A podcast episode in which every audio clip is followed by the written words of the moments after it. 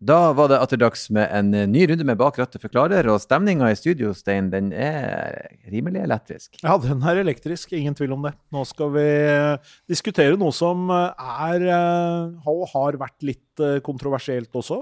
Ja, heit potet har det vel vært siden elbilen gjorde sin entré i si, vår verden. Vi skal snakke både litt rekkeviddetester ved LTP, og så har vi fått ekspertise på besøk når fagredaktør i Elbil24, Fred Magne Skillebekk, er på besøk hos oss. Velkommen. Takk for det. Hyggelig å være her.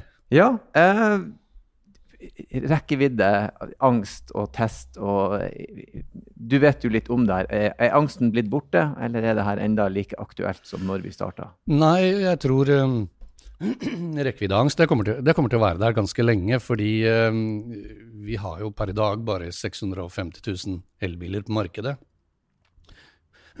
Mens det er 2,8 millioner biler på markedet, personbiler. Og da sier det seg selv at eh, brorparten av bilene er jo faktisk ikke bytta ennå. Så vi har fortsatt mange av det vi kaller elbilkjøpere versjon 1.0 som skal inn på markedet. Versjon 2.0 det er de som da har hatt en elbil, eller sin andre eller tredje eller fjerde, som begynner å få erfaring. Men 1.0-kjøperne er det fortsatt flest av, faktisk. Mm. Og så har vi jo noe som kanskje har tatt over litt for rekkeviddeangsten, og det er kanskje rekkeviddeirritasjonen? Ja, det, det fins jo litt rekkeviddeirritasjon her også. Det, det, er klart at eh, Og der, der, er vi litt igjen tilbake på versjon 1.0 og 2.0-kjøperne av elbil, fordi 2.0-kjøperen eh, han er ikke så opptatt av rekkevidde, så han irriterer seg kanskje litt over at vi i hele tatt gidder å prate om dette her lenger.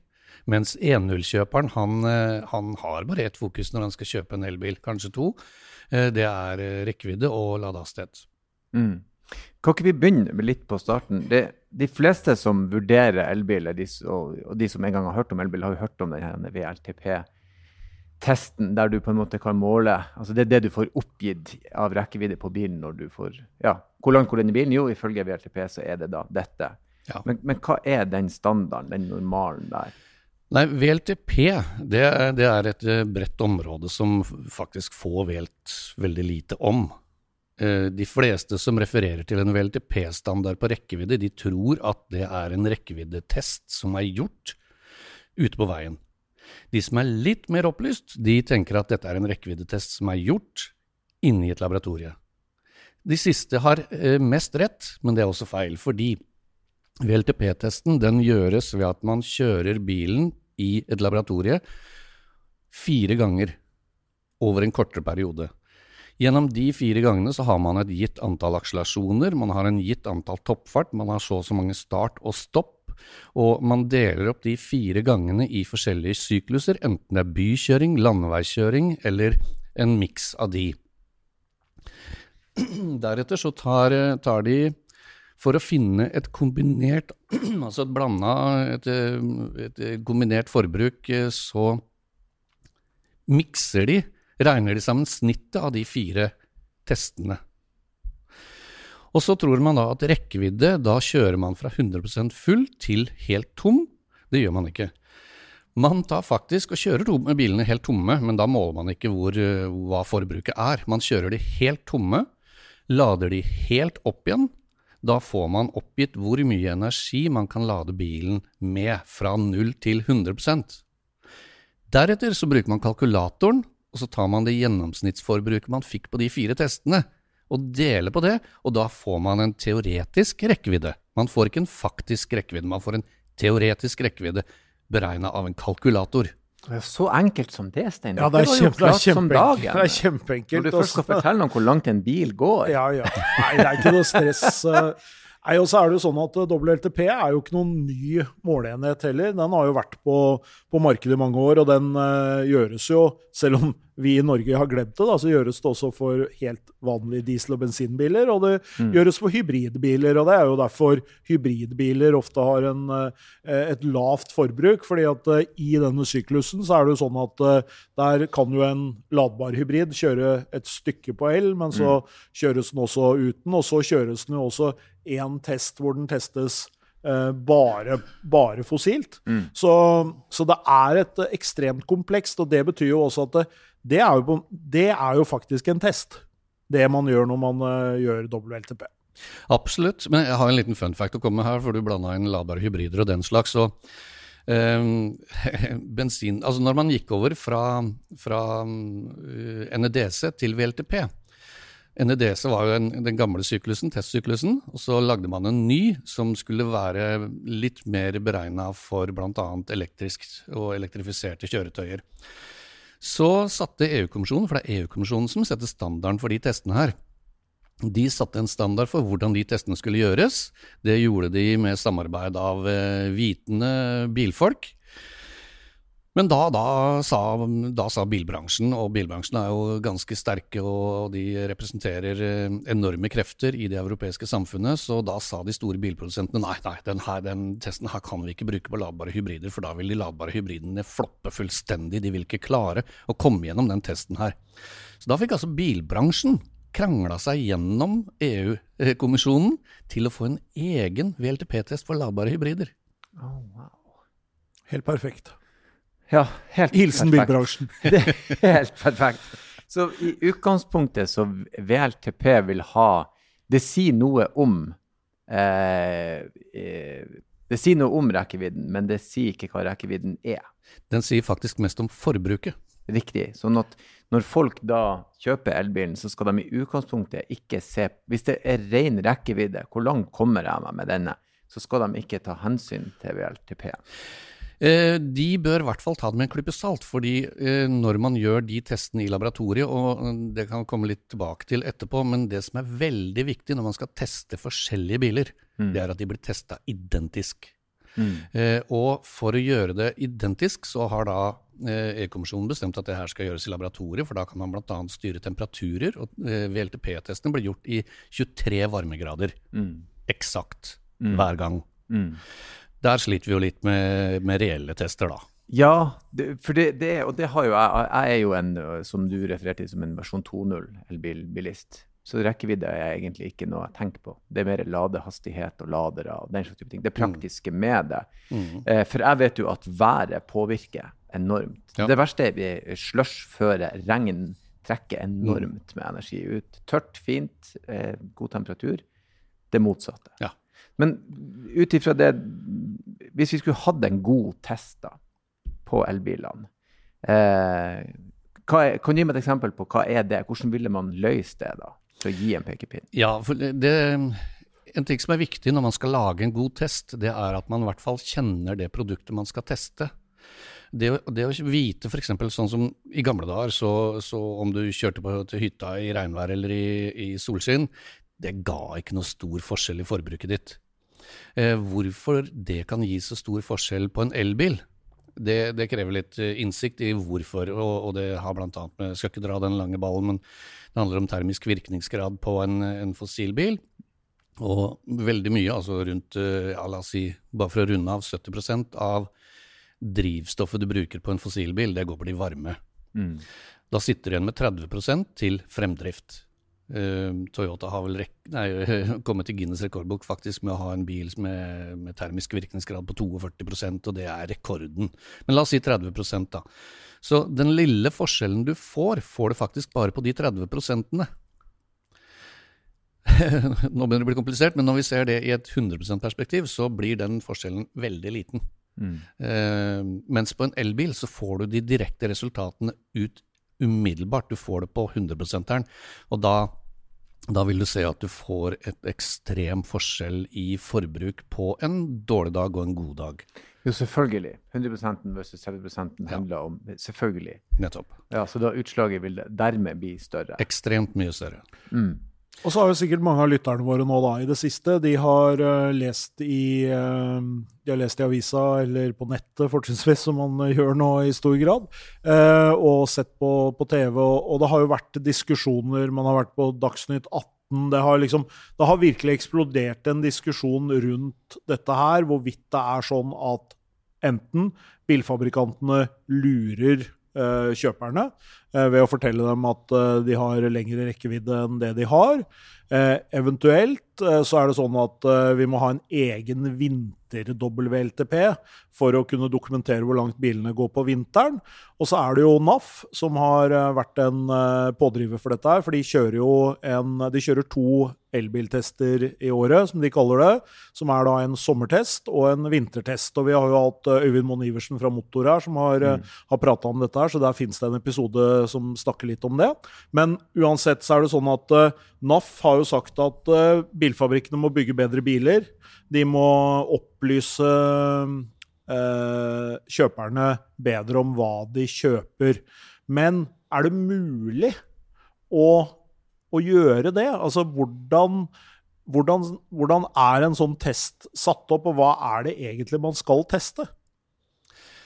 Ja, det, det, nå begynner vi å komme inn på et veldig komplekst system, eller på, på mange komplekse scenarioer. Men, men, bilbransjen, det må jeg si, at de lager gode biler ut ifra de forutsetningene de har. Det er teknologien som ikke er bedre. Batteriteknologien har, la oss si, fra elbil faktisk begynt å bli hva skal vi si, Den er jo ikke mainstream enda, men når den begynte å slå seg opp, så var batteriteknologien var jo trash. Det var den virkelig.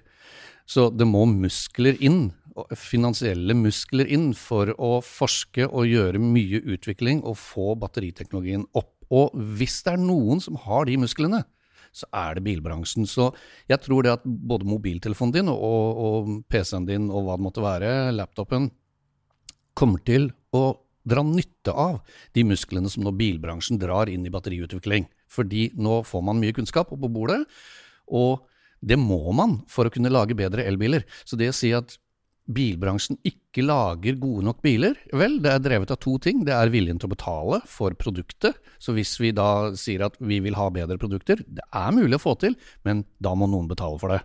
Eller skal vi lage et produkt som, som uh, folk er villige til å betale, og kalle det godt nok? Det er klart at det vi som testorgan gjør, det er å fortelle forbrukeren, for det er forbrukeren vi jobber for.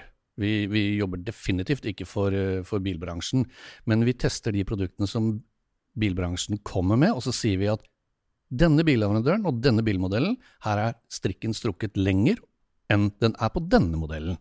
Så det er det på en måte vi driver med. Og, og eh, ja, du, du, nevnte jo NAF. Det er klart de krever at uh, bilprodusentene skal lage bedre biler. Vel, det er jo en ønskedrøm. Jeg ønsker også det. Jeg ja, jeg skulle også ønske at motorsykkelen min hadde gått mye fortere, men eh, jeg har nå det jeg har. Mm. Og, eh, jeg vil nå heller si det sånn at uh, la oss heller lage bedre testregimer og testsystemer, sånn at vi kan evaluere bilbransjens produkter enda bedre. Det mener jeg er både NAFs oppgave og Elbil24 sin oppgave. Men der lurer jeg på, for der er jo en litt sånn etablert sannhet blant oss som forbrukere. Sånn som når man ser en VLTP. Og det, det vet jeg har jo også eid fossilbiler, både diesel og bensin. Og jeg vet jo at jeg har aldri vært i nærheten av det forbruket som blir oppgitt når jeg kjøper den. Men jeg skjønner jo at hvis du har to biler som har gjennomført samme testen, som vil på en måte den variabelen mellom deres testresultater være like stor ute i verden når du bruker den også. Så man har på en måte bare skjønt at dette er adaptivt ut i vår bruk. Ja. Men, hvorfor, men hvorfor lages det ikke bare en test som stemmer med det vi opplever som forbrukere? Ja, vi eh, i Elbil24, jeg tror vi er det eneste i eh, landet som, som prøver å gjøre det. Mm. Uh, når vi gjør tester, så vi, ikke, vi lager ikke en test ut ifra det produktet vi skal teste. Vi lager en Det er litt som forskning. Uh, hvis parameterne blir feil, så blir også medisinen du får ut i andre enden, hvis, du, hvis det er eh, medisinen vi prater om, mm. så blir medisinen feil også. Eh, du må lage et regime som er så nøytralt som mulig, så riktig som mulig. Eh, la oss si eh, Kan ta et eksempel med noe så Noen syns er morsomt, noen syns er kjedelig. Null 0 til 100-tester, da. Det er klart at hvis vi hadde gjort 0 til 100-tester i nedoverbakke, så hadde vi fått fantastiske resultater. Mm. Er det det vi er ute etter? Eller skal vi gjøre det med oppoverbakker? For da får vi litt dårligere resultater. Da kan vi sparke bilbransjen hardere på leggen fordi 0 til 100 blei dårligere enn oppgitt. Mm. Nei da, det vi gjør, det er at vi tar med oss eh, bil på bane. Vi har i årevis brukt Ringbanen som, eh, som arena. Og de som har vært på ringbanen og sett drag race, de har, tenker sikkert at den er spik rett, men det er den ikke. Den, eh, den heller litt oppover fra startplata og, og til der de bremser ned. Mm. Resultatet av det er at vi må gjøre 0-100-tester begge veier, og så tar vi snitt av de for å få det eksakte resultatet. Mm. Det, er, det, er, et eksempel på hvordan vi, hvordan vi, skaper og gjør tester. Når vi tester støy, jeg har på meg samme jakka hver gang vi tester støy. Og hvorfor det? Jo, fordi jakka mi reflekterer lyd. Mm. Og hvis jeg har på meg en annen jakke, tar jeg på meg en boblejakke den ene dagen, så reflekterer den sinnssykt mye lyd. Og hvis jeg tar på meg en fleecejakke den andre dagen, mm. så reflekterer den ingenting i forhold. Og sånne, sånne, ting er veldig viktig å få på plass.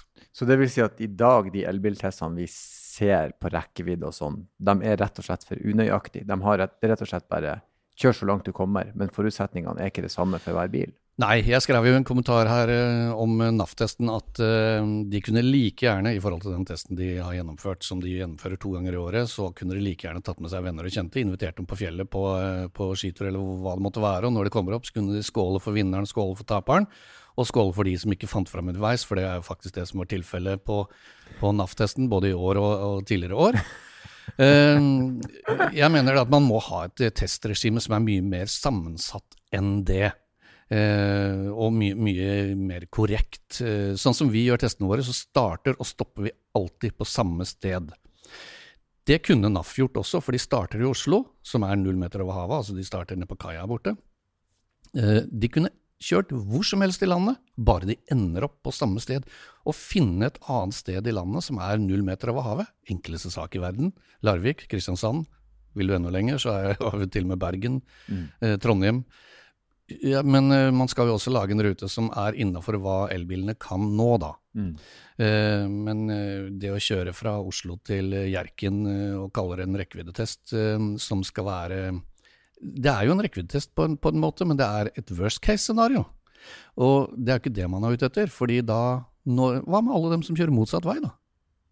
Mm. Så nei, en, en test, det må, det må, Og når vi lager testsystemene våre i, i Elbil24, så, så det jeg er ute etter, det er prosedyren.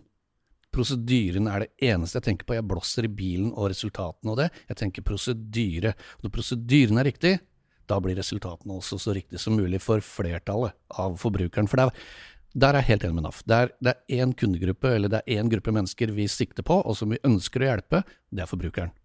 Mm.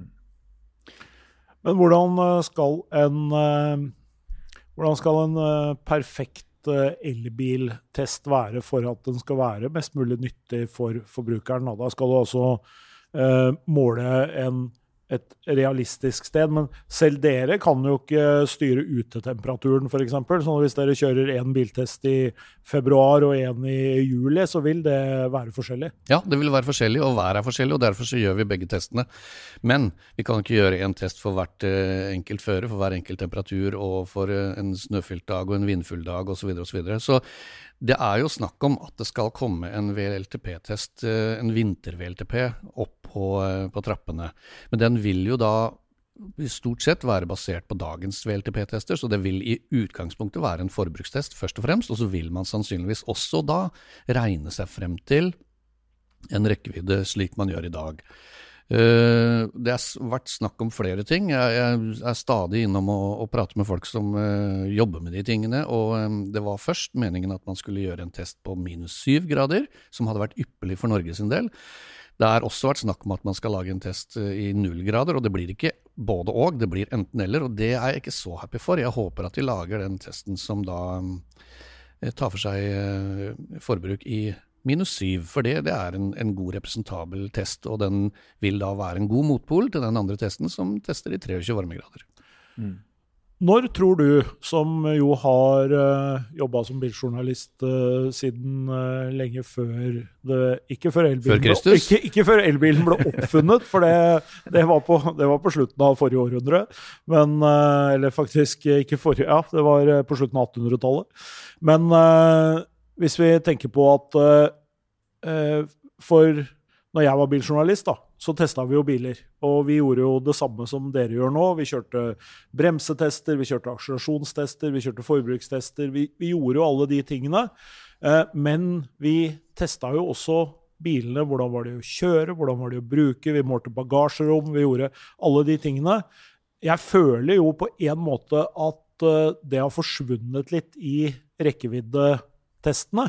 Når tror du vi er tilbake igjen til at man eh, begynner å snakke mer om bilens egenskaper utover akkurat rekkevidde? Jeg skjønner veldig godt hva du, hva du, sikter til, og det er jo et savn for oss som, eh, som har vært biljournalister i lang, lang tid. Uh, dessverre, jeg har ikke gode nyheter å komme med i det hele tatt. fordi det er da litt tilbake til det igjen at det er bare altså Vi har 2,8 millioner personbiler i Norge, og bare 650 000 av dem er bytta ut. Så det er fortsatt en stor bunch igjen av uh, personbiler som skal byttes ut. Heldigvis så skal jo noen av de da byttes ut av folk som har og kjennskap til elbil fra før. Mm. Uh, men, uh, men en bil er jo så mye mer enn rekkevidde og ladefart. Mm. Så jeg gleder meg til den dagen, men da har jeg sikkert gått av med pensjon. Men hva hvis du skulle si det, en vanlig familie. hvor lang rekkevidde trenger du å ha? Altså Da tenker jeg sånn reell rekkevidde. Uh, trenger man egentlig å ha for å ha et komfortabelt liv med den bilen? Og da, da tar jeg ikke utgangspunkt i at uh, alle har hytte på, på, Geilo, eller alle skal kjøre til Trondheim hver helg.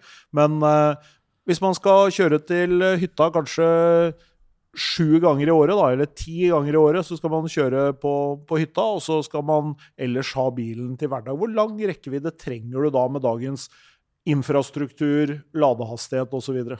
Mitt svar er mye kortere enn du antageligvis tør å tippe på, men jeg tenker 30 mil. Det er faktisk eh, hva, hva skal du med noe mer? Fordi, eh, ja, la oss si Vi har en datter som bor i Trondheim. Og skal vi kjøre til henne og vi har en bil som i realiteten, altså da prater jeg faktisk rekkevidde, hvis den går 30 mil, vel da har jeg stoppa for lengst allerede. For om ikke jeg må fylle på kaffekoppen, så må bikkja tømme seg. Ja. Og, eh, og, når vi gjør det, så lad når du kan og ikke når du må. Eh, det er jo et gammelt eh, jungelordtak. Stopper du på Dombås, så er det flust av ladere der. Du, går, du, du, kjører aldri rundt og leiter etter ladere lenger. Og da tenker jeg, da trenger du heller ikke den lange rekkevidden. Det som, det som for mange med elbil, særlig i starten, kanskje er den store skrekken, det er at de, de følger for mye med på på eh, forbruket og, mm. og rekkeviddemeteret, jettometeret som mange ja, kaller det. Ja, må ikke gjøre det. Nei, fordi Blås i det. fordi i det daglige, når du kjører til og fra jobben, altså gjennomsnitts kjøredistanse for en normal person i Norge er rundt fire mil om dagen. Og eh, det er klart at hvis du kjører mange ganger fire mil, så får du veldig mange kaldstarter. Mm. Elbiler er like hva skal jeg si, handikappa ved kaldstart som en fossilbil. Mm. Den bruker mer i starten når den er kald.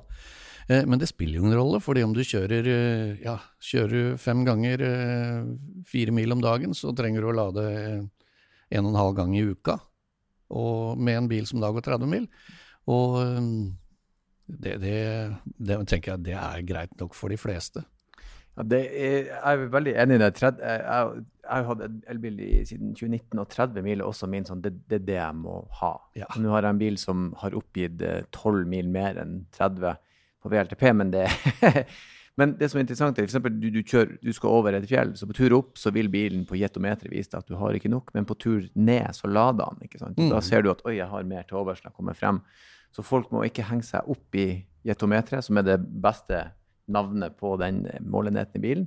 Og så, de, så, tenker jeg også at folk må omstille seg. Jeg skal komme meg dit ved hjelp av dette verktøyet. Mm. Det er liksom, du, du, du, kan ikke si at jeg skal snekre et hus, jeg har hammer. Hvis jeg hadde spikerpistol, så hadde det gått raskere. Nei, du har hammeren. Er det ja, den ja, ja. du bruker, så legger du opp etter det. Og sånn sett så er det ikke rekkevidden som blir den største. Nei, og så må jeg si til, til de som uh, lurer på hvorfor vi kaller det jetometer, det er fordi at hvis du ser på en, et, uh, indikat, en indikator i, i, instrumentpanelet ditt som forteller deg hvor mange kilometer du har igjen. Mm. Det er et kalkulert resultat basert på hva du har gjort tidligere. Mm. Så hvis kjøremønsteret endrer seg i resten av batterisyklusen, så vil det jo ikke stemme.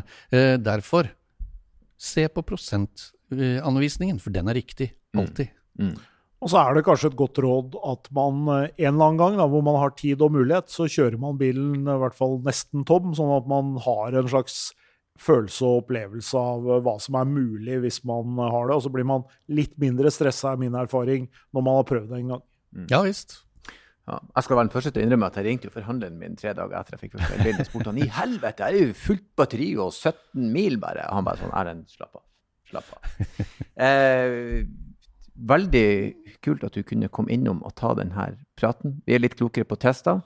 Vi håper at, Og det her er sånn som folk er veldig opptatt av. Vi har bare av. skrapa i overflata, så jeg kan komme tilbake og prate mer. Jeg tror eh, vi må komme tilbake og snakke mer om elbil. Ja. Ja da. Det er, det er folk som spør, og det her er sånn som jeg også syns er interessant også å få snakka om. Og det er jo interessant å høre også at det er endringer på trappene som kan få forbrukerne til å få et bedre innblikk i hva er det jeg skal velge. Og, ja. og så håper jeg en gang at de begynner å teste bilene, for det er mer enn bare rekkevidden.